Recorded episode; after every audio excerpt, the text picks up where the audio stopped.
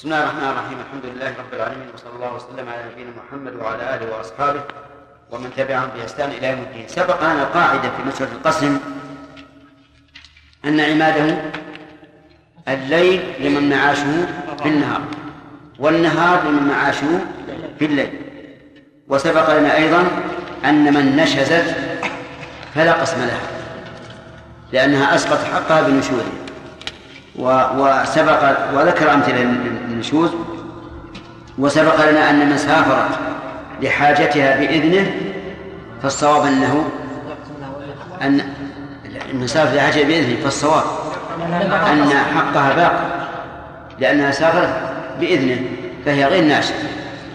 أما من سافرت بلا إذنه فإنه ليس لها قسم ولا نفقة لأنها ناشئة. ثم انتقل المؤلف رحمه الله إلى مسألة وهي من وهبت قسمها لضرتها بإذنه أو له فجعله الأخرى جاز. إذا وهبت المرأة قسمها لزوجها فله أن يجعله لمن شاء من زوجاته وإذا قسمته لزوجة معينة تعينت الموهوب لها. مثال الأول أن يكون لرجل أربع زوجات. فقالت الأولى وهبت قسمي لك. فيقول المؤلف إنه يجعله لمن شاء للثانية للثالثة للرابعة. ولو قيل إنه يجعله بينهن لكان هو الواجب هو العدل. كيف ذلك؟ بأن نقول إذا كان معه أربع نساء فالقسم يدور على أربعة أيام. فإذا وهبت الأولى قسمها فليكن القسم دائرا على ثلاثة أيام لأن هذا هو العدل. إلا إذا قال أنا لا أريد أن يكون على ثلاثة أيام أنا أريد أن أقسم لواحدة يومين. نقول إذا مقتضى العدل أن تقرع بينهن. أن تقرع بينهن. أما أن تجعله لواحدة دون الأخريات فلا. هذا خلاف العدل. أقرع بينهن ومن خرج إلى القرى فيكون له. الوجه الثاني أن تهب يومها لامرأة معينة. فتقول الأولى قد وهبت نفسي للثانية قد وهبت يومي للثانية. فهي تعين للثانية. ولا يحل له أن يجعله لامرأة أخرى. دليل ذلك أن سودة بنت زمعة رضي الله عنها لما خافت أن يطلقها النبي صلى النبي صلى الله عليه وسلم لكبر سنها وهبت يومها لعائشة. واختارت سودة عائشة لأنها أحب نسائه إليه. فأرادت أن تهبه لما يحب عليه الصلاة والسلام. وهذا من فقهها وشفقتها على الرسول صلى الله عليه وسلم. أما كونه من فقهها فلأن الرسول لو طلقها لم تبقى من أمهات المؤمنين ولم تكن زوجة له في الآخرة. وأما كونه من شفقة على الرسول فلأنها وهبته إيش؟ لأحب نسائه إليه.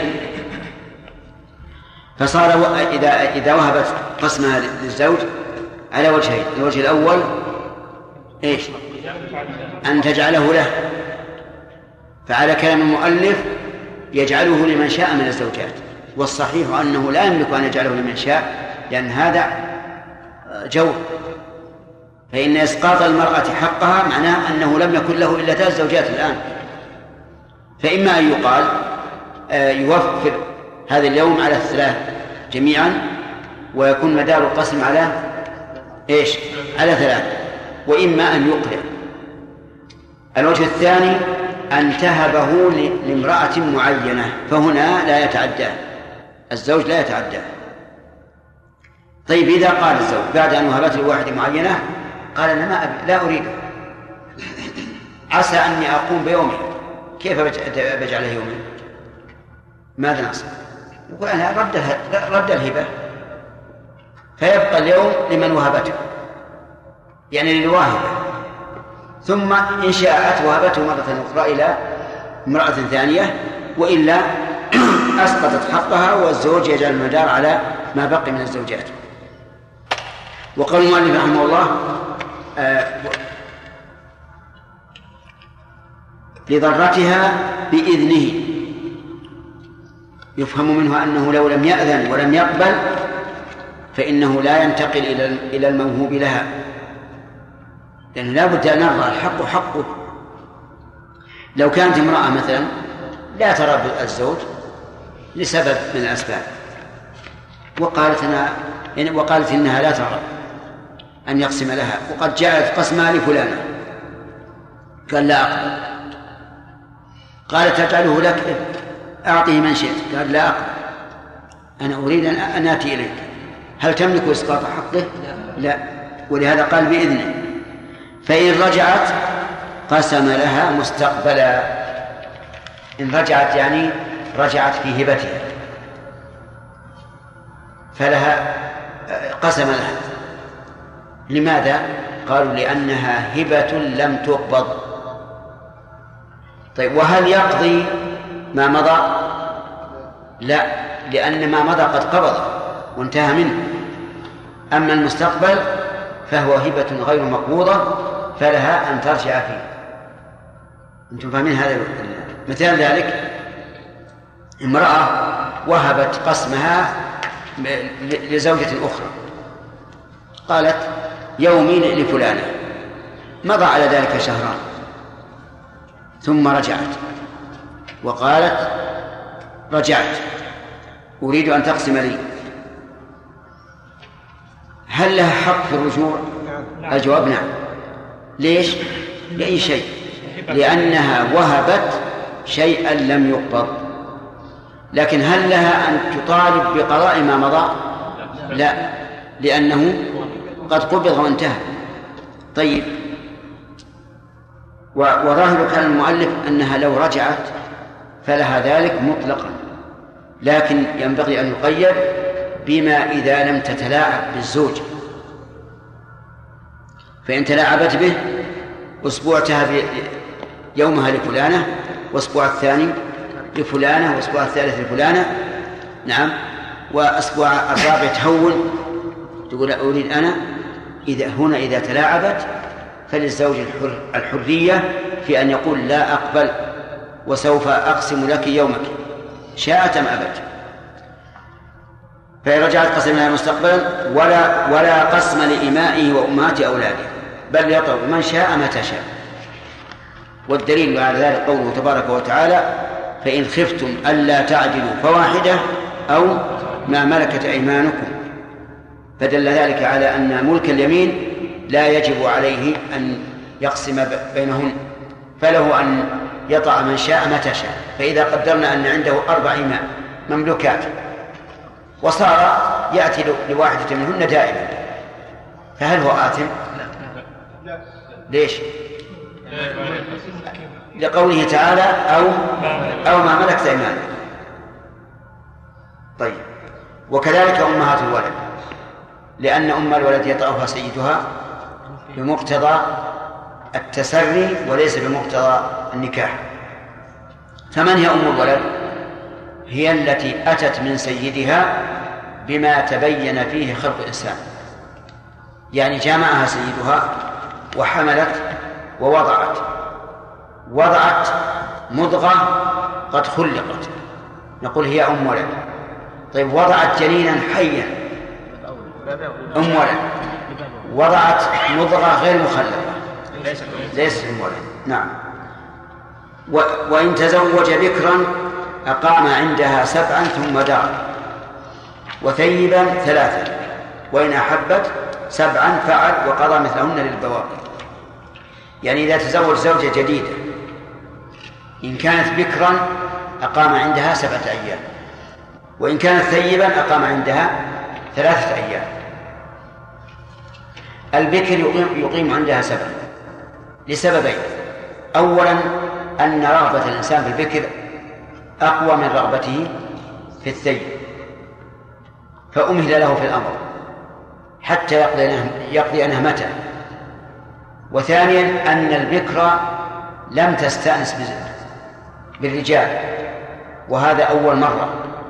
فتحتاج إلى زيادة المدة من أجل أن تستأنس بالرجل وتألف الرجل.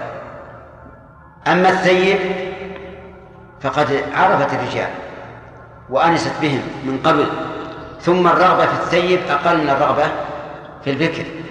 فلهذا جعل لها النبي صلى الله عليه وسلم ثلاثا. دليل ذلك قول أنس بن مالك رضي الله عنه من السنة إذا تزوج البكر على الثيب أقام عندها سبعا وإن تزوج الثيب أقام عندها ثلاثا. والحكمة كما ذكرت لكم. طيب إذا أقام ثلاثا عند الثيب ورغبت أن يبقى عندها سبعا فله ذلك. لأن النبي صلى الله عليه وسلم قال لأم سلمة حين أقامها عندها ثلاثا قال لها إن شئت سبعت لك وإن سبعت لك سبعت لنسائي فإذا طلبت أن يبقى عندها سبعة أيام فعل. لكن يجب أن يقضي للبواقي كم؟ أربعة أيام زائدة ولا سبعة؟ سبعة. سبعة. أيام.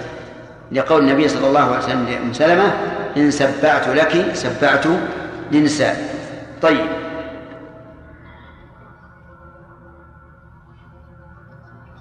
إذا قال قائل لماذا لم يجعل للثيب ثلاثة أيام ونصف؟ نصف البكر. البكر سبعة أيام والثيب لماذا لم يجعل ثلاثة أيام ونصف؟ لأن الكسر هنا لا يمكن. القسم مداره على يوم وليلة. فإذا قلنا ثلاثة أيام نصف معناه على نصف يوم. وهذا وهذا لا يستقيم المبحث الثاني لماذا أو السؤال الثاني لماذا خصت البكر بسبعة أيام؟ لماذا لم تجعل أربعة عشر يوم؟ أو خمسة أيام؟ الحكمة من ذلك والله أعلم أنه سبعة أيام تدور عليها أيام الأسبوع كلها. لأن سبعة أيام السبت والأحد والاثنين والثلاثة والأربعاء والخميس إيش؟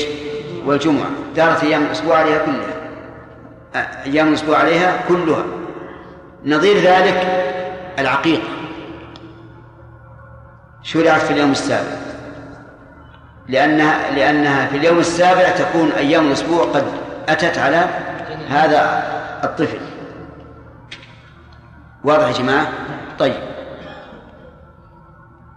إذا قال قائل لماذا يسبع للبواقي إذا اختارت الثيب سبعا نقول لأنها لما اختارت السبع بطل ما بطل حقها الأول وهو ثلاثة أيام. وإلا فمقتضى الحال أن يقول إذا اختارت التسبيع فإنها فإنه يربع للبواقي. لأن إذا اختارت التسبيح ثلاثة أيام من حقه والزائد أربعة يجعل للبواقي كل واحدة أربعة أيام لكن نقول لما اختارت السبع كأنها أسقطت حقها الأول. فإذا أسقطت حقها الأول صارت صارت أخذت سبعة أيام فنعطي الأخريات سبعة أيام.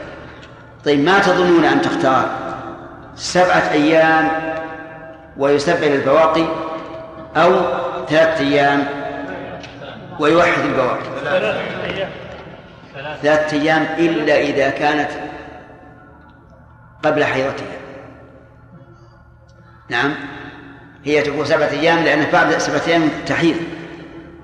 وهو ليس عنده إلا امرأة واحدة معه وحيضها سبعة أيام.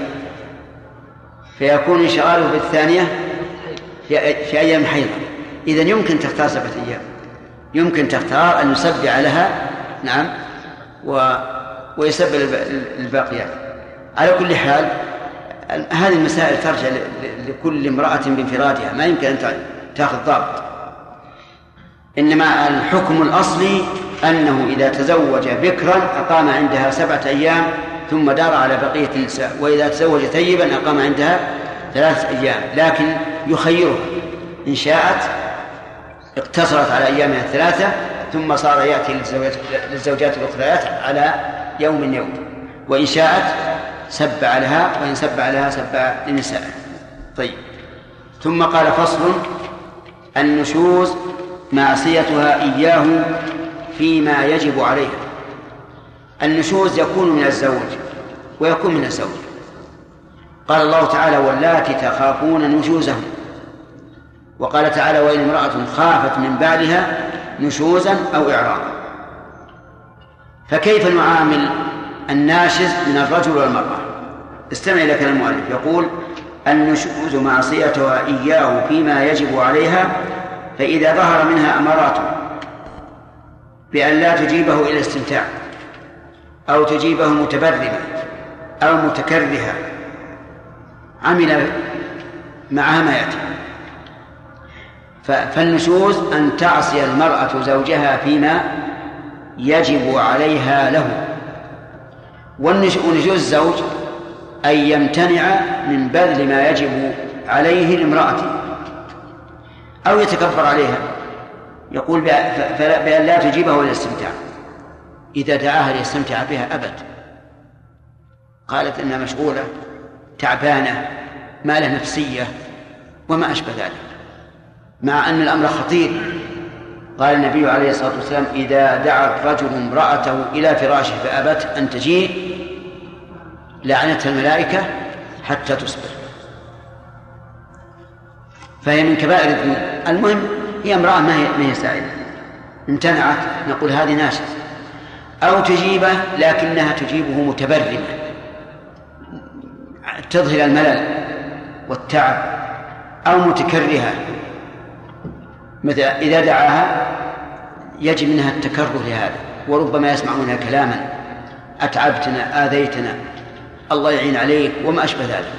هذه نقول هي ناشزة لأن الواجب عليها أن أن تبذل ما يجب عليها بانشراح صدر فماذا يعمل؟ قال وعظها. فذكرها بالله وحذرها من المخالفة. فإن فإن أصرت هجرها في المضجع ما شاء وفي الكلام ثلاثة أيام. إن أبت إلا أن أن تنشز يهجرها في المضجع. وقوله ما شاء يعني ما لم ترجع إلى حسن السيرة. فإن رجعت إلى حسن سيرتها فلا يهجرها لكن إذا بقيت يهجرها في المضجع ما شاء. يعني لا لا يرجع وفي في, في غالب الظن أنه إذا هجرها في المضجع فسوف ترجع. أما في الكلام فيقول ثلاثة أيام. لا يزيد. دليل ذلك قول النبي صلى الله عليه وسلم لا يحل للمؤمن أن يهجر أخاه فوق ثلاث طيب إذا إذا كان إذا قلنا لا يهجر فوق ثلاث فماذا يصنع قبل أن تمضي الثلاث يمكن أن يقول يا فلانة افتح الباب. زال الهجر يمكن إذا دخل عليها يقول السلام عليكم. زال الهجر قال فإن أصرت ضربها ضربا غير مبرح يعني غير مؤلم ولا موجع لكن للتأديب. فالمراحل إذن ثلاث أو الوعظ. ثم الهجر ثم الضرب لكن غير مبرح كما قال النبي عليه الصلاة والسلام فإن وطئنا آه نعم أو طعن فرشكم أحدا تكرهونه فاضربوهن ضربا غير مبرح لأن المقصود التأديب لا التعذيب. طيب وإذا خافت وإذا خافت هي النشوز من الزوج فقد قال الله تعالى فلا جناح عليهما أن يصلحا بينهما صلحا. وهذا مما يدل على كمال الشريعة حيث فرقت بين نشوز الزوجة ونشوز الزوج. لأن الزوج لا يمكن للزوجة أن تهجره أو أن تضربه هذا لا يمكن. لذلك قال فلا جناح عليهما أن يصلحا بينهما صلحا يعني يطلبان الصلح إما بتفريق أو غير ذلك. نعم.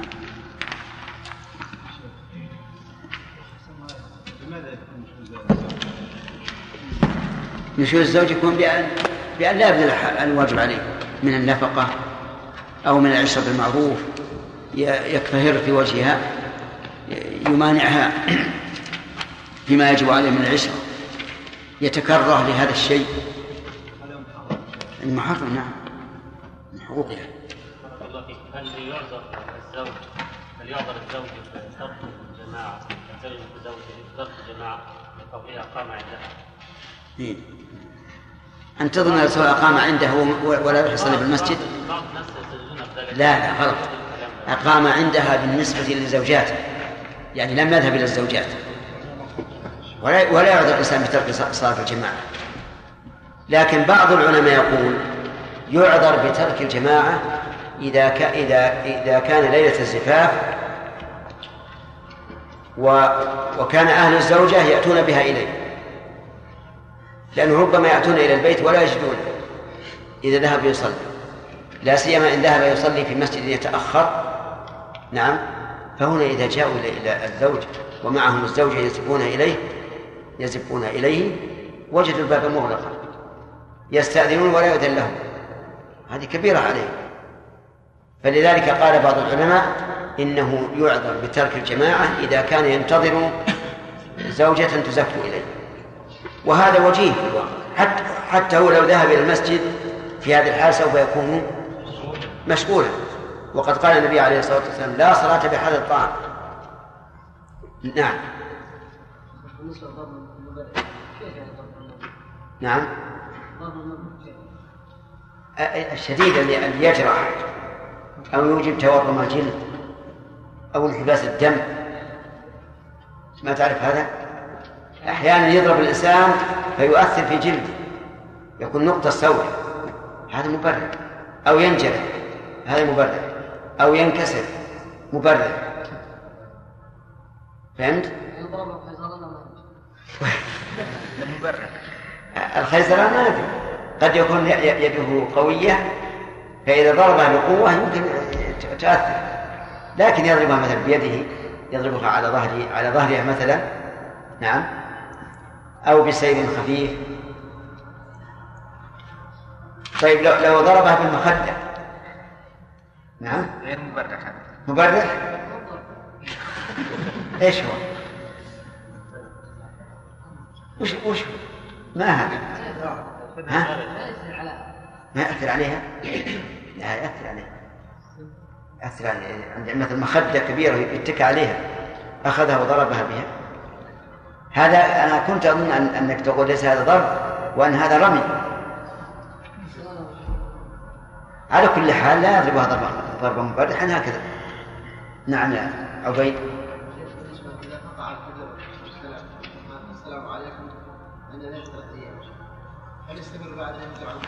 إي نعم نعم. إيه مثلا في, في آخر اليوم الثالث سلم انقطع الهدي له أن يتأخر ثلاثة أيام. إي نعم. تعالوا. شيخ بارك الله فيكم. ذكرتم في بداية الدرس أن كنتم والصواب أنه إذا سافرت بابنه في حاجته إن حقها ثابت. نعم. الذي ذكرناه في الدرس الماضي على ما أذكر أنه صعب إذا رجعت أن يقسم لها وإنما لا لا بالنفقة. نفقة نعم. إيه هذا هو نتكلم في النفقة؟ أما القسم فلا. لا قسم. لا لا قسم. نعم. صلى الله عليه إذا لم إذا لم ينفعها ضرب إذا غير المبرر إذا لم إذا ينفعها الضرب غير المبرر نعم ما هو الحل؟ كيف؟ ما هو الحل؟ إذا لم ينفعها الضرب الحل إن خفتم شقاق بينهم فابعثوا حكما من أهله وحكما من أهله يعني يؤخذ من أهله رجل ومن أهلها رجل ينظران في الأمر ثم يعملان ما ما, رأى- ما- يران المصلحة. من جمع أو تفريق بعوض أو بغير عوض لهم حق التفريق يا شيخ؟ نعم. لهم حق التفريق ولا لابد من القاضي يا شيخ؟ لا ما بدون قاضي. فإن لم يتفقا فالقاضي. ولكن إذا لم يتفقا وذه- وذهبا إلى القاضي. وصممت المرأة تركها فرضا أو خالعت الصغيرة والمجنونة والسفيهة أو لمت بغير إذن سيدها لم يصح الخلع ووقع الطلاق رجعيا إن كان بلفظ الطلاق أو نيته بسم الله الرحمن الرحيم. قال المؤلف رحمه الله تعالى باب الخلع ويجوز الخلع فالخلع الفعل من من الخلع والخلع هو نفس الفسخ وهو فراق الزوجة على عوض بألفاظ الخلع أو الفسخ أو نحوه. يعني بغير لفظ الطلاق. تعريفه مرة ثانية فراق الزوجة بعوض بغير لفظ الطلاق. هذا الخلع مثل أن تقول المرأة لزوجها هذه ألف ريال وفارقني ففارقها على الألف. نسمي هذا خلعا. فإن وقع بلفظ الطلاق بأن قالت هذه ألف ريال وطلقني. فقال طلقتك على ألف ريال. فهل يكون خلعا؟ الفقهاء يقولون لا يكون خلعا. بل هو طلاق على عوض. واختار شيخ الإسلام رحمه الله اتباعا لابن عباس رضي الله عنهما أنه خلع. ولو ولو وقع بلفظ الطلاق. واستدل بقوله تعالى الطلاق مرتان. الطلاق مرتان. يعني الطلاق الذي فيه رجعة مرتان. فإمساك بمعروف أو تسريح بإحسان هذا معنى الرجعة. يعني إما أن يمسكها ويردها وإما أن يسرحها بإحسان. ولا يحل لكم أن تأخذوا مما آتيتموهن شيئا لا يخاف أن لا يقيم حدود الله. فإن خفتم ألا يقيم حدود الله فلا جناح عليهما فيما افتدت به. فيما افتدت به يعني فيما بذلته فداء لنفسها حتى يفارقها الزوج. تلك حدود الله فلا تعتدوها ومن يتعدى حدود الله فأولئك هم الظالمون. فإن طلقها فلا تحل له من بعد حتى تنكح زوجا غيره. قال الشيخ الإسلام ابن تيمية رحمه الله فهذا يدل على أن ما كان بعوض فليس بطلاق. على أي على أي لفظ كان؟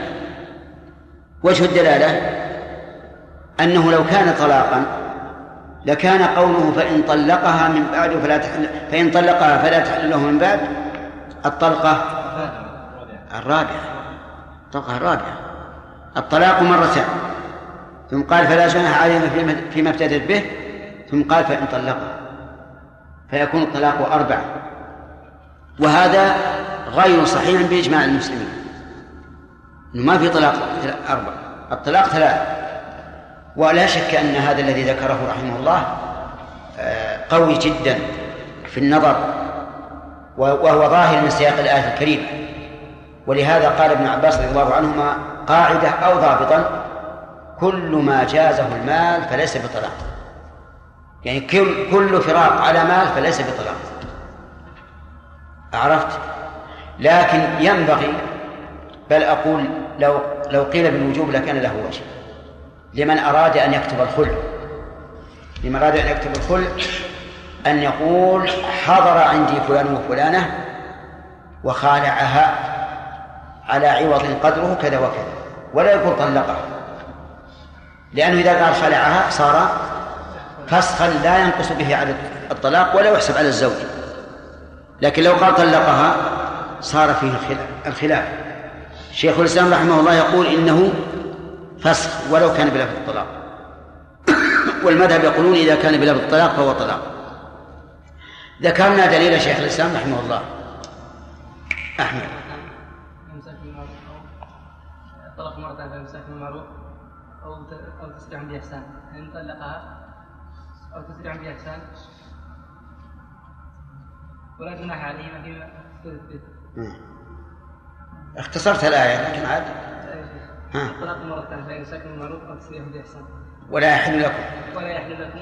أن تأخذوا. أن تأخذوا مما آتيتموهن شيئا إلا أن يخاف أن لا يقيم حدود الله. فإن خفتم أن لا يقيم حدود الله فلا جناح عليهما فيما اختلف به. تلك حدود الله فلا هذا الثالث. هذا الفراق ثالث هذا الفراق هو الثالث. هذا يا شيخ بس. إيه لكن هو فراق ولا لا؟ طيب هذا الفراق الثالث. الآية ثم قال فإن طلقها. هذا الفراق الرابع زين. هذا لو لو عددنا الفراق الثالث في الآية لو عددناه طلاقا رابع لكان الطلاق هو الرابع. ولكن نقول إنه فداء أو فسخ وليس بطلاق المذهب يقولون إن الطلاق على عوض طلاق يحسب من الطلاق. ويستدلون لذلك بأن امرأة ثابت بن قيس رضي الله عنها وعنه أيضا لما كرهته قال قال لها النبي صلى الله عليه وسلم أتردين عليه حديقته؟ لأنها لأن الحديقة مهر لها. قالت نعم يا رسول الله أرد عليه حديقته فقال النبي صلى الله عليه وسلم لزوجها وهو ثابت بن قيس بن شماس رضي الله عنه قال اقبل الحديقة وطلقها تطليقا اقبل الحديقة وطلقها. قالوا وهذا دليل على أن على أن الخلع نعم إذا وقع بلفظ الطلاق فهو طلاق لأن الرسول صلى الله عليه وسلم قال طلقها فدل ذلك على أنه إذا طلقها وقع الطلاق. وهذا استدلال قوي من حيث اللفظ والأول السبب الآية قوي من حيث المعنى. ولذلك المسألة مترددة بين القول بأنه إذا وقع بلفظ الطلاق كان فسخا أو كان طلاقا لكن الخروج من هذا الإشكال بماذا؟ بأن يقول فسخت زوجتي أو خالعتها على عوض قدره كذا وكذا ولهذا ينبغي لنا لطالب العلم إذا كتب مخالعة بين زوجين أن لا يقول طلقها على عوض بل يقول خالعها فارقها فاداها وما أشبه ذلك حتى لا لا يوقع من بعده في إشكال. طيب قال المؤلف من صح تبرعه من زوجة وأجنبي صح بذله لعوضه. من صح شرط؟ أين جوابه؟ صح بذله لعوضه أي لعوض الخلع. يعني أي إنسان يصح تبرعه من زوجة وأجنبي يعني من من الزوجة صح بذله أي بذل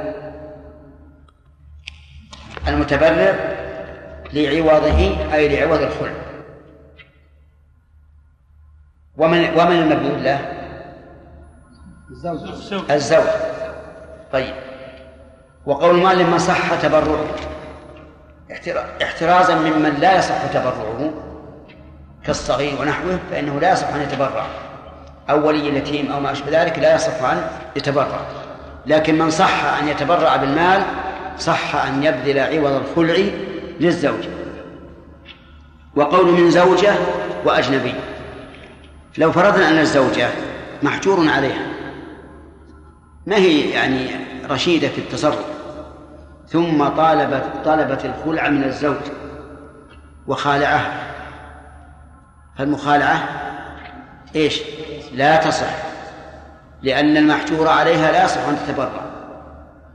وقوله أو أجنبي وأجنبي يعني أجنبي من الزوجة. فلو أن شخصا جاء إلى إلى رجل وقال يا فلان زوجتك متعبة ما هي مستقيمة معك؟ ولكن أنا أريد أن أفك المشكل. هذه عشرة آلاف ريال وأخلعها. والزوجة ما علمت.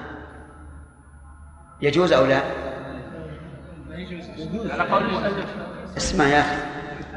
من زوجة وأجنبي يصح يصح. يصح. وإذا وهذا الرجل سعيه مشكور. إذا أراد أن يفك المشكل بين الزوج وزوجته. طيب هذه مسألة. مسألة أخرى رجل يبغض الزوجة. يبغض الزوجة ورأى أن الزوجة حياتها سعيدة مع زوجها. وهو وزوجها راض بها وهي راضية به. وكما يقول عوام مستأنسين فأراد أن يحسدها لأنه يكرهها فذهب إلى زوجها وقال تعال وزوجها قليل ذات اليد فقير. قال تعال. المهر الآن ثلاثين ألف. وأنا بعطيك ستين ألف وخالعها الزوجة ماذا تقولون في هذا الفقير؟ يوافق ولا ما يوافق؟ يوافق. يقول بحصل بستين ألف زوجة وما أبيع وأشتري. فيخالع الزوجة. أيصح الخلع أو لا؟ على قول مالك يصح الخلع. يصح الخلع لكن ذلك آثم. الذي بذل العوض آثم لأنه فرق بين زوجين ليس بينهما شقاق ولا نزاع. رجل ثالث. أعجبته زوجة رجل لجمالها وعلمها وحذقها. نعم أعجبته. لكن الآن مع زوج فماذا يصنع؟ قال أذهب إلى زوجها وأغريه بالمال. حتى يطلقها وأتزوجها أنا. فذهب إلى الزوج وأغراه بالمال. قال يا فلان المهر الآن ثلاثون ألف. تحصل به بكر من أحسن النساء. نعم أنا بعطيك ستين ألف. قال لا شوي لأنه يحب زوجته. قال تسعين ألف خذ ثلاث زوجات بداله. قال ما زوجتي أحب لي من, من ثلاث. قال أرب كم؟ مئة وعشرين ألف عشان يأخذ أرب فكأن الرجل أعجبه هذا العرض فقال لا بأس أعطاه 120 ألف وخالع الزوجة لأجل أن يتزوجها هذا الذي أعطاه 120 ألف هل يجوز؟ نعم أنكر أنكر الإمام أحمد نفسه هذا إنكارا عظيما وقال يا نعوذ بالله أيفعل هذا أحد؟ إذا كان الذي يخبب الزوجة على زوجها ورد فيه الوعيد كيف عاد هذا الرجل؟ والصحيح أنه لا يجوز من الأج... الصحيح أنه لا تجوز المخالعة من الأجنبي إلا للمصلحة. المصلحة نعم. لو أن إنسانا عرف أن بين الزوجين مشاكل لا تنتهي وأن من من المصلحة المخالعة. حينئذ نقول هذا رجل محسن وجزاه الله خيرا وفك مشكلا والخلع إيش هو؟ الخلع صحيح أما من أراد الإضرار بالمرأة وخالع فهذا حرام ولا يصح الخلع وأما من خالع من أجل أن يتزوجها فهو أشد ويجب أن نمنعه منها. نمنعه من تزوجه بها. معاقبة له بنقيض قصده لأن من تعجل شيئا قبل أوانه عوقب بحرمانه. وإذا كان ثبت عن بعض السلف أن من خطب امرأة في عدتها حرمت عليه على التأبير نكالا له. فهذا الذي خبب المرأة على زوجها من باب أولى. ولهذا يجب على القضاة إذا علموا أن هذا الرجل إنما بذل الخلع لزوج المرأة من أجل أن يتزوجها بعده يجب أن يمنعوه منها. وأن لا وأن لا يمكنوه من زواجها. يقول رحمه الله آه نعم لما ذكر الخلع وأن يرحمك الله وأن من صح تبرعه وصح بذله لعوضه بين ما أسباب الخلع. قال فإذا كرهت خلق زوجها. خلق زوجها. بأن كان الزوج سيئا يدخل مغضبا ويخرج مغضبا. ويكلفها ما لا تطيق.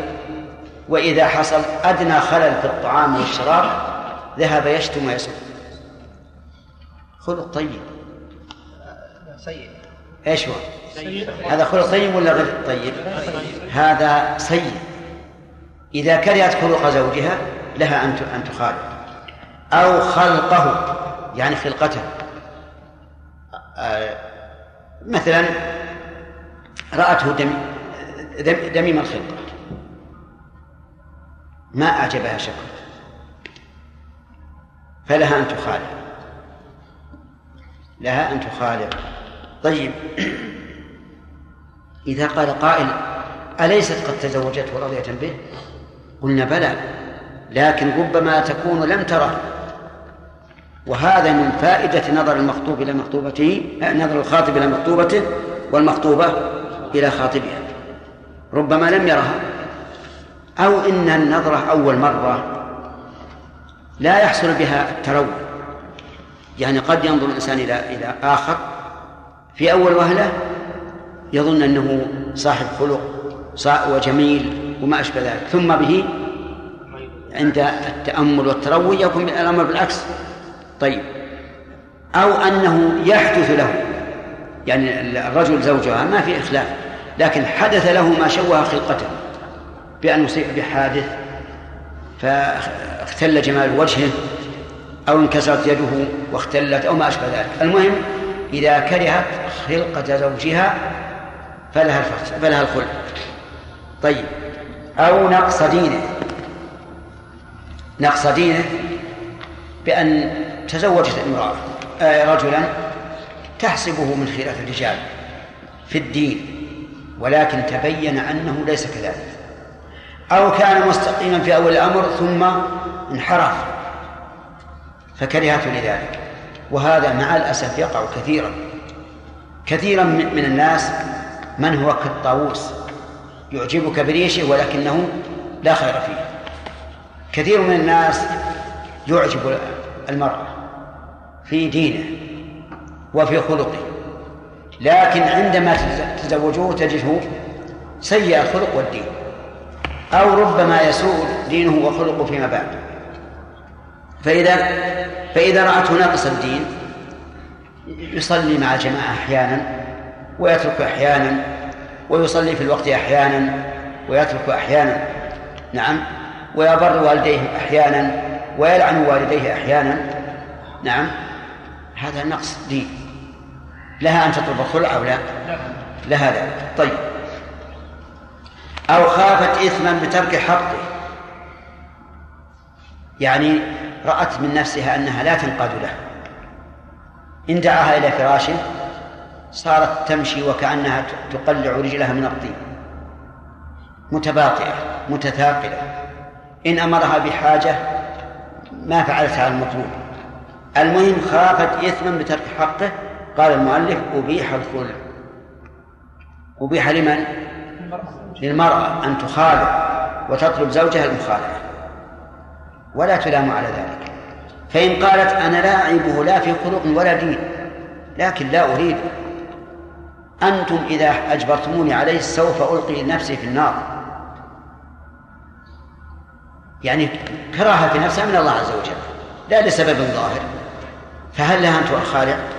الجواب نعم لها أن تخالع لأن امرأة ثابت بن قيس جاءت إلى النبي عليه الصلاة والسلام وقالت يا رسول الله ثابت بن قيس ما أعيب عليه بخلق ولا دين. رجل خلوق رجل جيد ونحن نضيف الآن من أهل الجنة ثابت بن قيس. ثابت بن قيس شهد له الرسول عليه الصلاة والسلام بالجنة. ولكني أكره الكفر في الإسلام. يعني أكره أن لا أقوم بحقه وهذا الكفر كفر عشير. يعني لا أستطيع أن أقوم بحقه. والمحبة والكراهة أمر يجعلها الله تعالى في قلب العبد. فلم فلم ينكر عليها الرسول عليه الصلاة والسلام. بل قال لها أتردين عليه حديقته قال نعم. قالت نعم. المهم أن المرأة إذا كانت لا تطيق الصبر مع الزوج لأي سبب من الأسباب فلها أن تطلب الخلع. يقول مالك رحمه الله وإلا يعني وإلا يكون هناك سبب كره ووقع. وإلا كره إيش اللي يكره؟ الخلع. ووقع أي؟ الخلع. واقتصار المؤلف رحمه الله على الكراهة فيه نظر. والصواب أنه لا يحل للمرأة أن تطلب الخلع إلا إذا كان هناك سبب. لحديث من سألت زوجها الطلاق من غير ما بأس فحرام عليها رائحة الجنة. وهذا يدل على أنها أن ذلك من كبائر الذنوب. وهو حقيقة لأن طلبها الفراق. وإن كان الفراق ليس بيدها يرحمك الله بل بيد الزوج. طلبها ذلك يؤدي إلى كراهة الزوج لها وإلى تفكك الأسرة إن كان هناك أسرة بينهما. فلذلك صار فيه هذا الوعيد. ويأتي إن شاء الله بقية وقد انتهى الوقت. نعم لكم خمس دقائق. نعم. ما فهمت أنه وإلا كره ووقع نعم. يعني وإلا يكن لهذه الأسباب. أن الصحيح يحرم إذا كان بلا سبب. نعم نعم. ثم قلنا أحسن الله لكم قبل. إذا كره إذا كرهته في نفسها كراهة شديدة بلا سبب كما في حديث امرأة ثابت بن قيس فلها هذه من الأسباب. من الأسباب هذه من الأسباب من الأسباب لطلب الفراق أن تكرهه كراهة عظيمة. لأنه كما قال العوام يقولون كل كرها واشرب كرها والبس كرها ولا تجالس كرها. فهمت؟ أو ما فهمت هذا؟ ترى هذا حكمة حكمة عظيمة من العوام. يقول كلا الأكل ولو, ولو لم تشتهي. اشرب ولم تشتهي. البس ولم تشتهي لكن لا تجالس. إيش؟ من لا تشتهي مجالسة والمتنبي يقول ومن نكد الدنيا على الحر أن يرى عدوا له ما من صداقته بد. هذا صحيح؟ نعم. بارك الله فيك اشكال عليه يقولون بالجواز على قول المؤلف بان يجوز لاجنبي ان ياتي للزوج ويعطيه مال يعطيه مالا على ان يخالع زوجته نعرف ان الخلع يتم من طرف الزوجه ما من طرف الزوج إيش؟ الخلع يتم من طرف الزوجه يعني هي تطلب لا لا. لو طلبت الزوجة هذه المرة ما ما ما صار شيء والزوج لم يوافق؟ يعطيه مال على القبول اي يعطيه مال للقبول ولهذا نقول حرام على الإنسان مع استقامة أحوال الزوجين أن يذهب ليخالف. لي- حرام عليه. هذا من من الإفساد بين الزوجين. وهو من أعظم المحرمات. لكن ذكرنا لكم المسألة ثلاث أحوال. ثلاث أحوال. ولا لا؟ طيب. نعم. من طلق زوجته من طلق زوجته وخطب أختها قبل أن تستعان ما يصح هل تحرم عليه الاخذ هذه على التأبيد؟ هذه على على قول بعض السلف تحرم عليه على التأبيد كل إنسان خطب امرأة لا تحل له فيعاقب بحرمانها لئلا يتجاسر الناس. عرفت؟ لكن جمهور العلماء على أنها تحل له إذا انقضت العدة. بعقد صحيح. نعم. باقي دقيقتين. نعم. يعني يطلبون الطلاق على ما بقي بالمهر يعني ما في بأس. هذا خلع؟ هذا خلع. ثم كيف تكون الخلع؟ ما في رجع. الخلع لاحظوا أن إذا خالعت المرأة زوجها فلا يمكن أن يرجع عليها. لكن له أن يتزوجها بعقد جديد ولو في العدة. أفهمتم يا جماعة؟ وهذه تسمى البينونة الصغرى. البينونة الصغرى. إذا طلقها على عوض البينونة الكبرى أن يطلقها آخر ثلاث تطليقات. هذه لا تحل له إلا بعد زوج والأولى تحل له بعقد. نعم. بارك الله فيكم يا شيخ. في هذه الأيام حدثت حادثة أن رجل رجل تزوج بامرأة وبعد مدة يسيره طلقها. وبعد. بعد مدة يسيره طلقها. وبعد. وبعد ذلك لا اصبر ما فهمت كلام وبعد مد. مدة يسيرة طلقها. إيه زين ثم بعد ذلك أخذ آه، ترجمان زين نعم. إيش؟ وبعد ذلك اخذها رجل آخر وذهب إلى فندق تزوجها عرفيا واكتشفوا أنها كانت تحب رجل من قبل. الثاني. نعم ففي مثل هذه الأمور والحوادث آه، يستحب أن يفارق بينهم. لا يجب. نكاح الثاني غير صحيح. اولا أنه في العدة وثانيا أنه بلا ولي وبلا شهود. نعم. وحدث هذه الأيام قضية في باكستان صار فيها ضجه كبيرة واحد يحب امرأة وتزوجها بينه وبينه بينه وبينه. قال أنا احبك قالت أنا احبك قال نعم. قال توكلنا على الله. زوجيني نفسك. قال زوجتك نفسي قال قبلت. وراح العلماء هناك أنكروا هذا وقالوا هذا لا يصح وهذا زنا ولا يجوز. فجاء واحد من العلماء الآخرين من المتحذلقين لأن العلماء الأكثر حكموا بوجوب التفريق. قال هذا ما يجوز نفرق بينه. هذا هذا العقد هذا العقد صحيح. لأن فلان من العلماء يقول لا يشترط الولي. هذه واحد. وآخر من العلماء قال لا يشترط الإشهاد. وآخر من العلماء قال ليس للعقد صيغة. نعم. فالمسألة خلافية واجتهادية ولا يجوز أن تفرقوا بينهم. أعوذ بالله. معناه كل امرأة تريد أن ت- أن تزن بشخص تتفق معه إياه. نعم. صداقة وتزوجه نفسه هذا لا يقول بأحد من العلماء. حتى لو فرضنا بين العلماء السابقين خلافا في مثل هذه الأمور ما ما تقع على هذه الصورة. عبيد ها هذه مسألة مهمة. يعني لو طلبت الخلع فرفض. هل يجبر؟ نقول أما بدون عوض فلا يجبر. إلا بعوض يرضاه. إلا بعوض يرضاه. فإذا قالت أنا مستعدة أرد عليك كل المهر. فهل يجبر؟ فيه خلاف بين العلماء. منهم من قال يجبر لأن الرسول صلى الله عليه وسلم قال لثابت بن قيس إيش؟ اقبل الحديقة وطلقها وجمهور العلماء يرون أنه لا يجبر وأن قول الرسول عليه الصلاة والسلام اقبل الحديقة وطلقها للإرشاد الذي يقصد به حل المشكلة والصواب أننا إذا علمنا أنها لن تستقيم الحال وأنه ما سيكون من من إشكال إلى آخر فإنه يجب أن يقبل فإن لم يقبل طلق عليه الحاكم ولا تستقيم الأمور إلا بهذا. لأنه أحيانا النساء ما تستطيع الصبر على الزوج خصوصا إذا كانت ملتزمة وتزوجته على أنه ملتزم ثم تبين بعد ذلك أنه ليس بملتزم.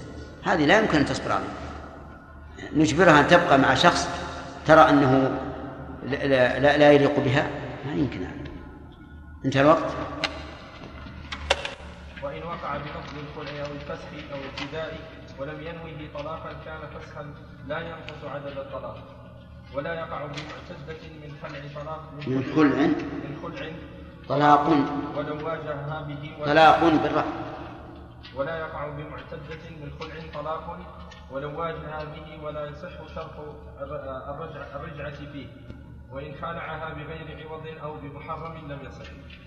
ويقع الطلاق رجعيا إن كان بلفظ رجعيا. رجعيا إن كان بلفظ الطلاق أو نيته. بسم الله الرحمن الرحيم بسم الله الرحمن الرحيم. الحمد لله رب العالمين.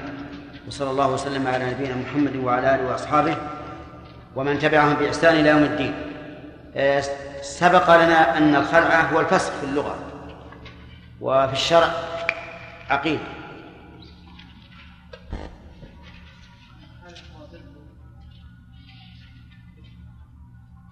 فراق الزوجة بعوض بألفاظ مخصوصة.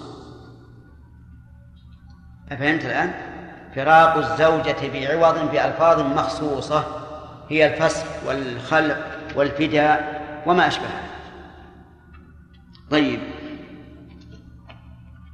ما معنى قول المؤلف من صح تبرعه من زوجة وأجنبي صح بذله لعوضه؟ بذل العوض في الخلع لا يصح إلا ممن يصح تواضعه نعم. فمثلا ولي اليتيم لا يصح الخلع لأنه لا يصح طيب.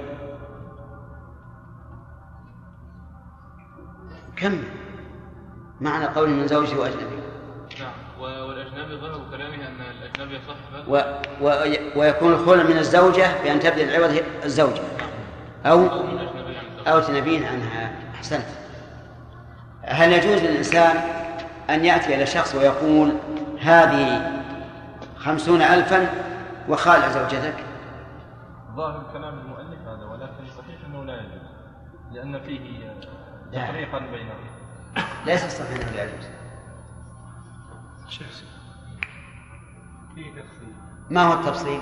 كان في هذا إن كان رجل محسن يريد أن يحل المشكل فيقبل. أما إن كان الرجل له غرض لم يفرق بين الرجل وزوجته. فلا يصح المراه فهذا لا يصح. إحنا ذكرنا أمس أن في الدرس الماضي أن له ثلاث حالات شيخ إما للإضرار بالزوجة إيش؟ إما للإضرار بالزوجة نعم. أو للتزوج بها. أو لمصلحة. لمصلحة. نعم. والحالتان الأولتين لا يصح والثالثة يجوز.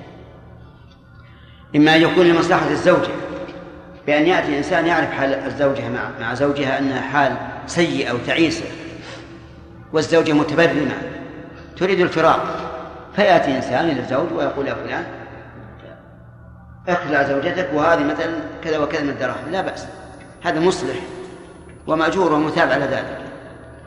وإما أن يكون للإضرار بالزوجة عرف أنها مع, مع زوجها في حال سعيدة فأراد أن يضر بها أن يضر بها. فذهب إلى الزوج وأعطاه أموالا لأجل أن يخالع زوجته. هذا إيش هو؟ إيش؟ هذا حرام لا شك. وعدوان. الثالث أن يتز... أن يفعل ذلك لمصلحته هو بنفسه. هو لا يريد الإضرار بالزوجة ولا ولا الإضرار بالزوج لكن يريد أن يتزوج المرأة. فهذا أيضا حرام. وقد أنكره الإمام أحمد رحمه الله إنكارا شديدا. وقال من يفعل هذا؟ طيب إذا هل يمكن أن يكون للإضرار بالزوج؟ الأخ. إيه؟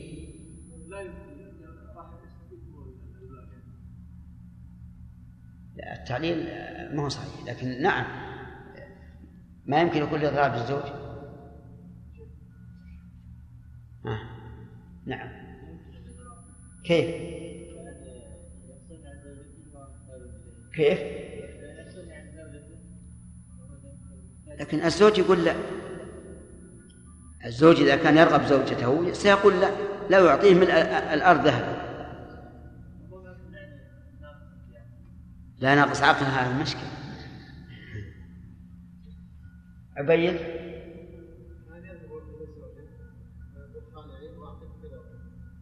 أي. طيب أي إذا أي الزوج؟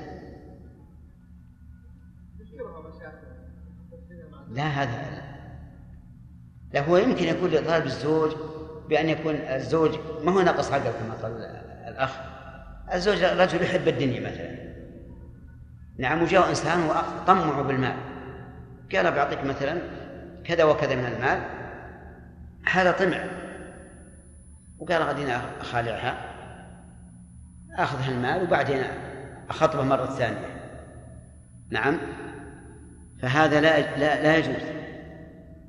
وإن كان لم يذكر هذا في كتب الفقهاء الإضرار بالزوج لكن الواقع أنه ممكن.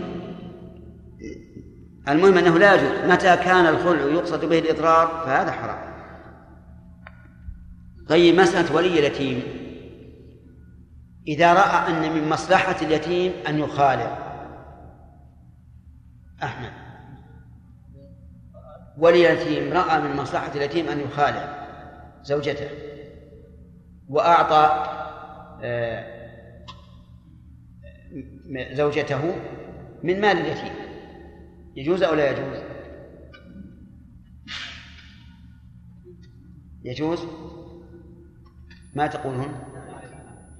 نعم يجوز. إذا كان من مصلحة اليتيم. نعم هذا إنسان مثلا زوجه أبوه وهو صغير له عشر سنوات. بامرأة أعجبت الأب فزوجه إياها. بالرضاعة. وبعدين توفي الأب. وكانت هذه الزوجة نكدا على اليتيم. تأخذ ماله. يعني مثلا يعطيه وليه للنفقة. وتشتري به أشياء ما, ما له داعي. وعرف أن هذه ستؤذي اليتيم. وتضره. هل له أن يخالع بشيء من ماله هو من مال اليتيم؟ نعم. لأن هذا لمصلحة اليتيم.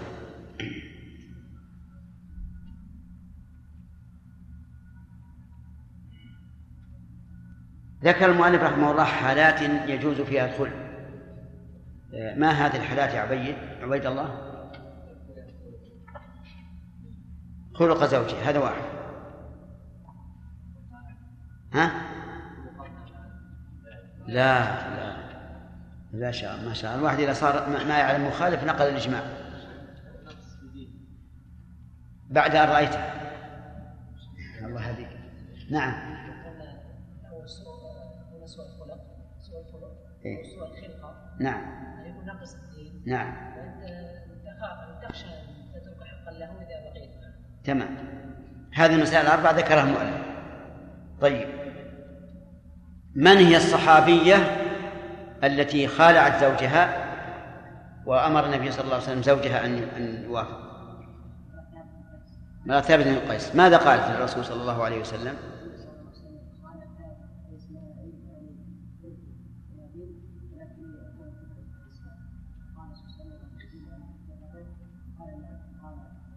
قالت نعم.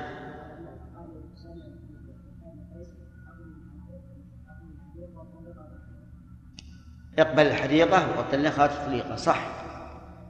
بدل هذا على أن المرأة ربما تكره زوجها لا لخلقه ولا لنقص دينه ولكن لا تريده لا تريده ففي هذه الحال نقول للزوج طلقها.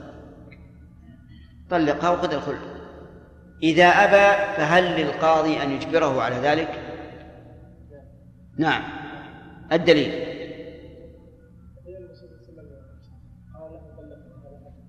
اقبل الحديقة وطلقها لو قال قائل هذا للإرشاد.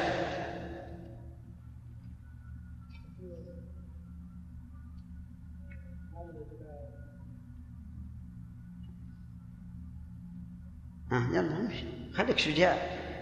لا إله إلا الله. نعم. الأصل في الأمر أنه لا الارشاد وأيضا هذا لدفع أذية. ودفع الأذية عن المسلم واجبه بقدر الإمكان.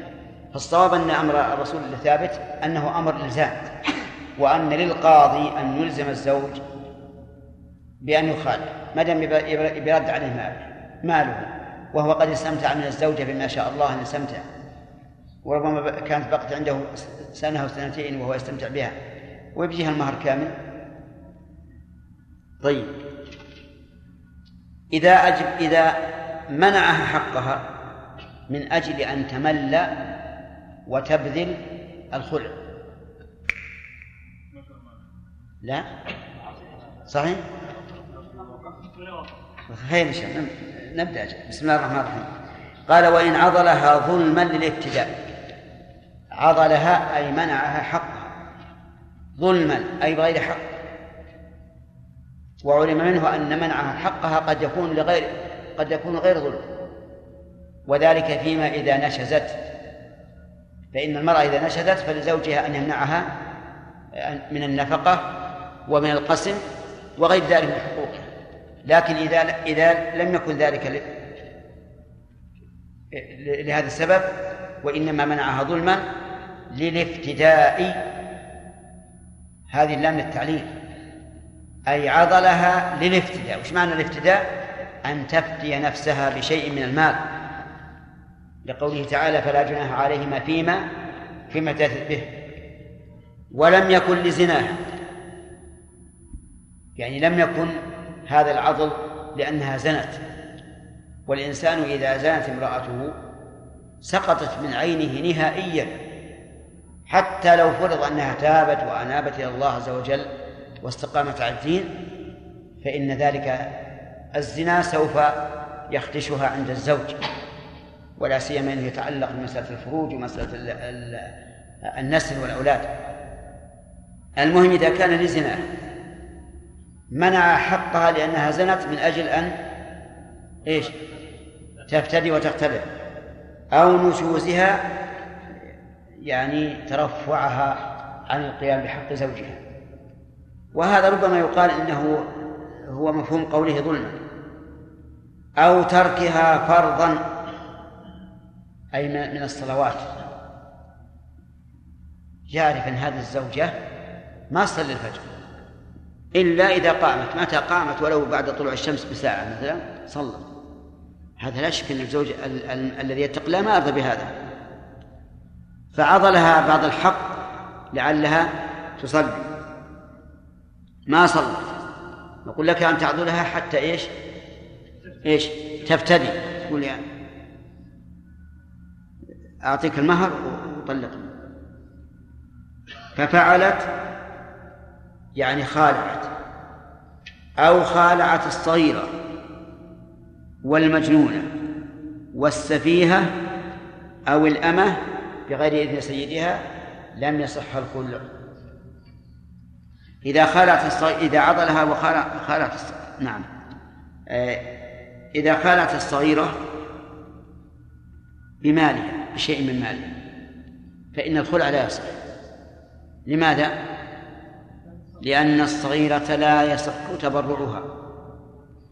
طيب فإن خالع وليها عنها من مالها لتظاهرها بهذا الزوج.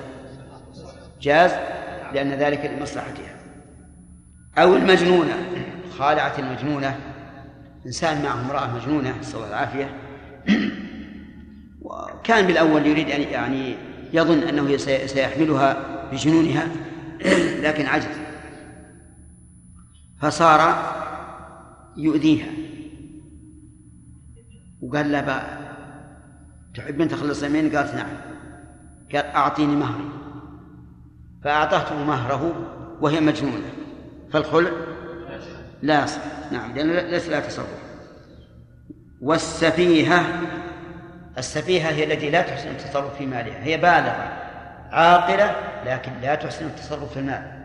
فإذا خالعت فإنه لا يصح لكن كما قلنا لكم قبل قليل إذا كان ذلك من وليها لمصلحتها فلا بأس. نعم. أو الأمة بغير إذن سيدها. فإن خلعها لا يصح. لأن الإذن في فسخ النكاح للسيد. فإذا خالعت بغير إذن السيد لم يصح الخلع. ثم قال ويصح الخلع ويصح الخلع.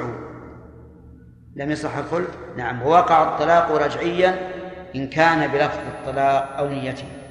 يعني كلما لم يصح الخلع فهو طلاق إن كان بلفظ الطلاق أو نيته.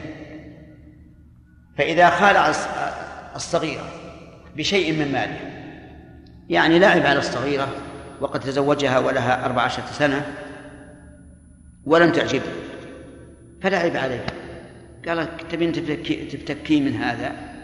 قالت نعم. قال أعطي مهر. فخالعت على المهر. فقال خلعت زوجتي على مهرها. ماذا يكون؟ يقول مالك رحمه الله الخلع لا يصح. لكن يقول يقع الطلاق رجعيا إن كان بلفظ الطلاق أو نيته بمعنى أن الخلع الذي صدر من الزوج يكون طلاقا. طلاقا رجعيا إلا إذا كان هذا آخر طلقة فيكون بائنا. بشرط أن يقع بلفظ الطلاق أو نية الطلاق. فإن وقع بغير ذلك فإنه لا يقع لا طلاق ولا خلو كلام واضح جميع؟ لا. طيب الصورة رجل تزوج امرأة لها أربع عشر سنة. صغيرة ولا ولا, ولا كبيرة؟ صغيرة. فخالعه يعني قال أعطيني مهر خمسين ألف ريال وأخلعك. قالت خذ هذا مهر فخالعها الخلع لا يصح. لفوات شرطه وهو كون المتبرع به جائز التصرف وهذه المرأة غير جائز التصرف. نعم جائز التبرع. وهذه المسألة المرأة غير جائز التبرع. فالخلع إذا لا يصح. حطوا بالكم يا جماعة؟ ماذا ماذا يكون؟ هل نقول الآن الزوجة معه أو أو طلقت أو ماذا؟ نقول الرجل قال خالعت زوجتي على كذا. لم يقل طلقت. فإن كان أراد الطلاق بكلمة خلعت زوجتي وقع الطلاق لقول النبي صلى الله عليه وسلم إنما الأعمال بالنيات وإنما لكل امرئ ما نوى. وإن قال ما نويت الطلاق لكن وإن قال ما نويت الطلاق لكن خالع بلفظ الطلاق. بدل أن يقول خلعت زوجتي بهذا هذا القدر قال طلقت زوجتي فإنه يقع الطلاق. ولهذا قال وقع الطلاق إن كان بلفظ الطلاق أو نيته. لكن هل يكون الطلاق رجعيا؟ نقول ننظر. إذا كان هذا آخر ثلاث تطليقات صارت بائنا منه لأن لأنه إذا طلق الإنسان زوجته آخر ثلاث تطليقات بانت منه. وإن كان هذا هو الثاني أو الأول فالطلاق رجعي له أن يراجع. هذا هذا كلام المؤلف رحمه الله. والصحيح أنه لا يقع طلاق ولا ولا, ولا خلع. لماذا؟ لأن هذا الزوج إنما طلق أو خالع بناء على حصول المال والمال الآن لم يش... لم يحصل له فكأن طلاقه معلق على شرط فالصواب أنه لا يقع الطلاق لأن هذا الطلاق إنما كان من أجل العوض الذي يأخذه والآن ليس له أن يأخذ يأخذ العوض فنقول كأنك لم تفعل شيئا ولم تطلق عليه الزوجة.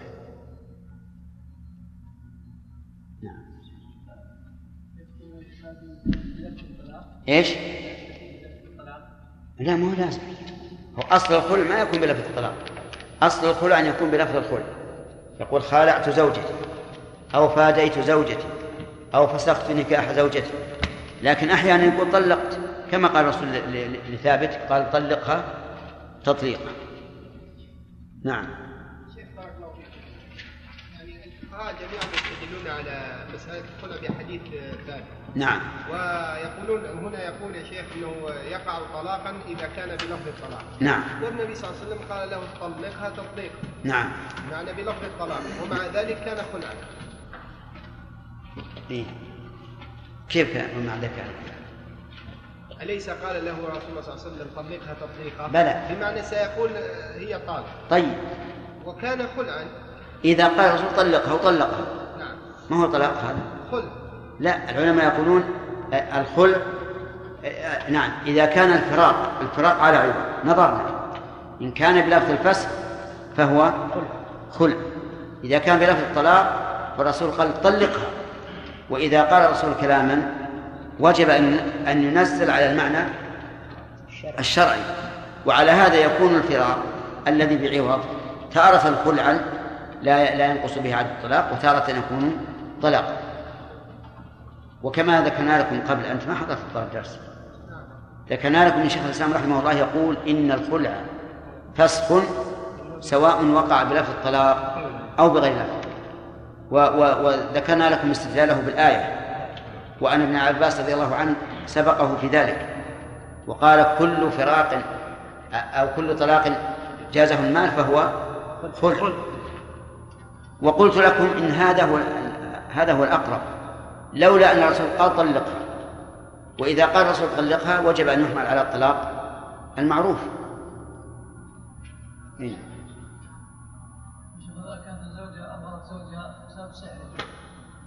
اي نعم. ثم ثم إن كان بلفظ الطلاق أو نيته وما صح مهرا صح الخلع به ويكره بأكثر مما أعطاه. بأكثر. بأكثر مما أعطاه.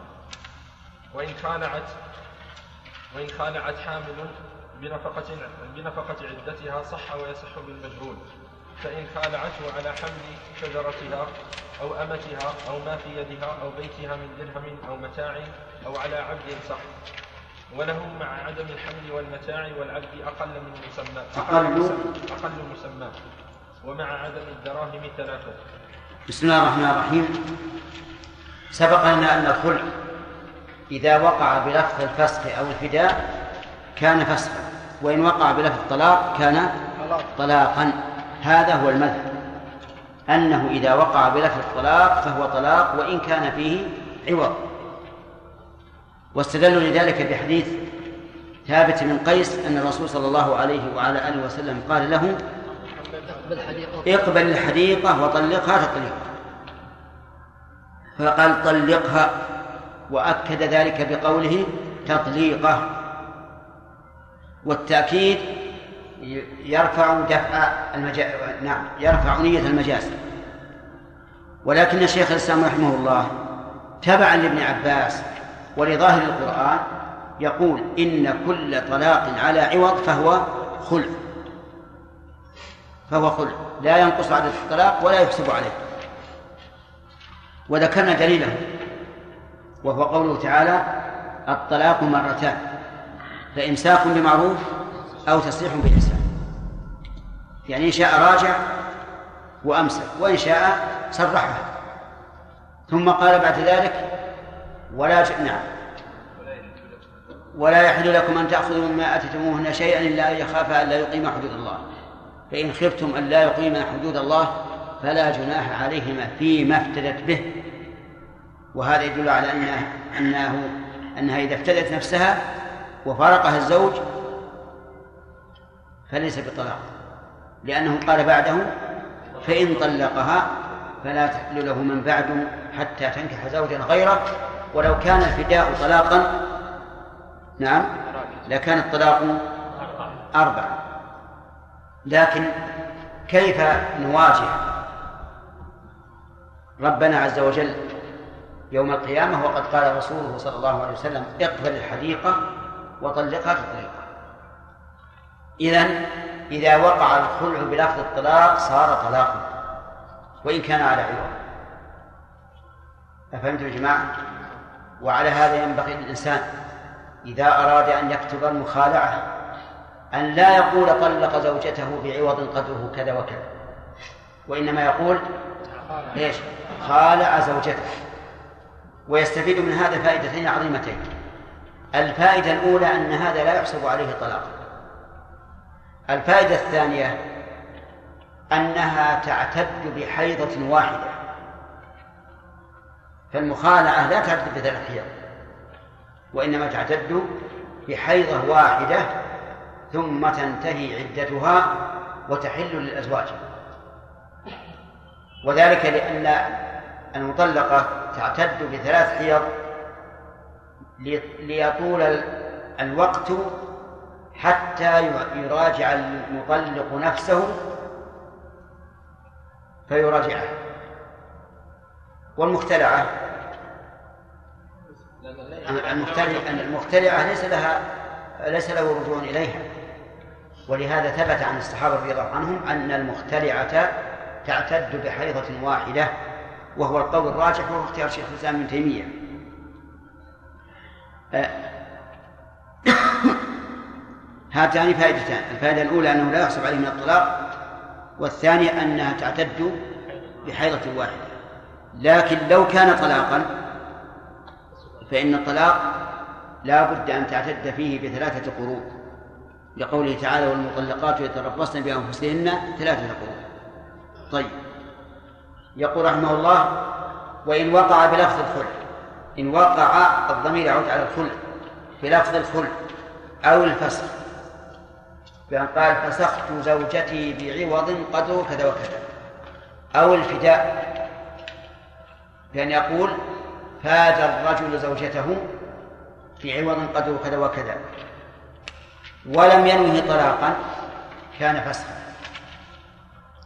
لا ينقص عدد لا ينقص عدد عدد الطلاق. وعلم من قوله ولم ينه طلاقا أنه لو نوى الطلاق بكلمة فسخ أو فداء أو خلع فإنه يكون طلاقا. لعموم قول الرسول صلى الله عليه وسلم إنما الأعمال بالنيات وإنما لكل امرئ ما نوى. وهذه الألفاظ الفسخ والفداء والخلع صالحة لمعنى الطلاق فإذا نوى بها الطلاق صار طلاقا والخلاصة الآن يقع الخلع الخلع طلاقا إذا و... أولا إذا وقع بلفظ الطلاق. ثانيا إذا وقع بلفظ الخلع أو الفسخ أو الفداء ونواه طلاقا ويقع فسخا إذا إذا لم يكن إذا لم يكن بلفظ الطلاق ولم ينوه طلاقا. كان فسخا لا ينقص عدد الطلاق. طيب والمرأة هذه المخالعة هل تحل للزوج إذا رجعها؟ لا لا تحل. لأن فائدة الفداء أن لا يملك الرجوع. وهي تريد أن تبدأ نفسها منه. ولو قلنا له الرجوع لضاعت لضاعت الحكمة من الخلع فنقول إنه لا يملك الرجوع. لكن لو عقد عليها من جديد ملك ذلك. لو اتفق وإياها على أن يتزوجها من جديد فلا بأس. لأنها الآن تملك نفسها. إذا كان عقدا جديدا تستطيع أن تقول لا أو تقول نعم. وهذه البينونة تسمى عند العلماء البينونة الصغرى لأنها لا تحل له إلا بعقد. وأضرب لكم مثلا يتبين به الأمر. طلق رجل زوجته أول طلقة بلا عوض. هذه إيش؟ هذه طلقة رجعية. للزوج أن أن يراجعها ما دامت في العدة سواء رضيت أم كرهت. وبدون عقد وبدون مهر وبدون إشهاد إلا أن الأفضل أن يشهد. عرفتم هذه؟ متى تكون؟ طلاق الرجعي بالطلقة الواحدة أو الثنتين بلا عوض ثانيا طلقها آخر ثلاث تطليقات. بأن يكون طلق أولا ثم راجع ثم طلق ثم راجع ثم طلق الثالث ماذا تكون؟ هذه بائن. بينونة كبرى. لا تحل له بمراجعة ولا تحل له بعقد. حتى تنكح زوجا غيره. ثالثا إذا إذا خالعها أو طلقها على عوض فهذه ليس له رجعة إليها إلا بعقد جديد سواء كانت في العدة أم بعد فراغ العدة. فهمتم الآن؟ فصار من النساء من تبين من الزوج بمجرد الطلاق بيانا أكبر أو بينونة كبرى. من هذه؟ المطلقة. آخر ثلاثة طلقات. ومن النساء من يحل له أن يراجعها بلا عقد. من هي؟ المطلقة قبل استكمال العدد بلا عوض. يعني مطلقة واحدة أو أو ثنتين الثالثة من لا تحل له برجعة ولكن تحل له بعقد وهي المفسوخة بخلع أو غيره إذا لم يكن بلفظ الطلاق أو نيته. ثم قال ولا يقع بمعتدة من خلع طلاق ولو واجهها به. المعتدة من الخلع لا يقع عليها الطلاق. لأنها بانت من زوجها. فلو أن الإنسان خالع زوجته على ألف ريال وتم الخلع وفي اليوم الثاني قال لها أنت طالب. فالطلاق لا يقع. لماذا؟ لأنها أجنبية منه. قد بانت. حتى لو واجهها وقال أنت طالق وخطبك فإنها لا تقع. العلة أن الطلاق إنما يقع على زوجه. وهذه المرأة الآن ليست زوجة حتى يقع عليها الطلاق. وقوله ولو واجهها به إشارة إشارة خلاف لأن بعض العلماء يقول إذا واجهها بالطلاق طلقت. ولكنه قول ضعيف. والصواب ما مشى عليه المؤلف. أن المختلعة لا يقع عليها الطلاق. طيب المطلقة الرجعية إنسان طلق زوجته أول مرة على غير عوض. وفي اليوم الثاني قال لها أنت طالق أنت طالق. يقع الطلاق ولا لا؟ نعم. يقع الطلاق. المؤلف يقول لا يقع بمعتدة من خلع طلاق. الرجعية يقع عليها طلاق. فهذه المرأة الرجعية مثلا؟ طلقها أول مرة على غير عوض في أول يوم من الشهر. في اليوم الثاني كلمها وقال أنت طالق. لا يريد خبرا وإنما يريد إنشاء. أنت طالق. تطلق ولا لا؟ نعم. ظهر كلام تطلق. هي تطلق. تطلق لأنها رجعية. والرجعية زوجة. والدليل على أن الرجعية زوجة قوله تعالى وبعولتهن أحق بردهن فسماه الله فسمى الله المطلق المطلقين بعولا طيب في اليوم الثالث واجهها وقال أنت طالق تطلق أو لا؟ تطلق نعم تطلق تطلق ولا ها؟ ما أنت معنا اليوم؟ لست معنا؟ قل أعوذ بالله من الشيطان الرجيم. طيب. آه آه، نعم قلنا في اليوم الثاني طلقها وقلتم إنها تطلق. في اليوم الثالث؟ نعم.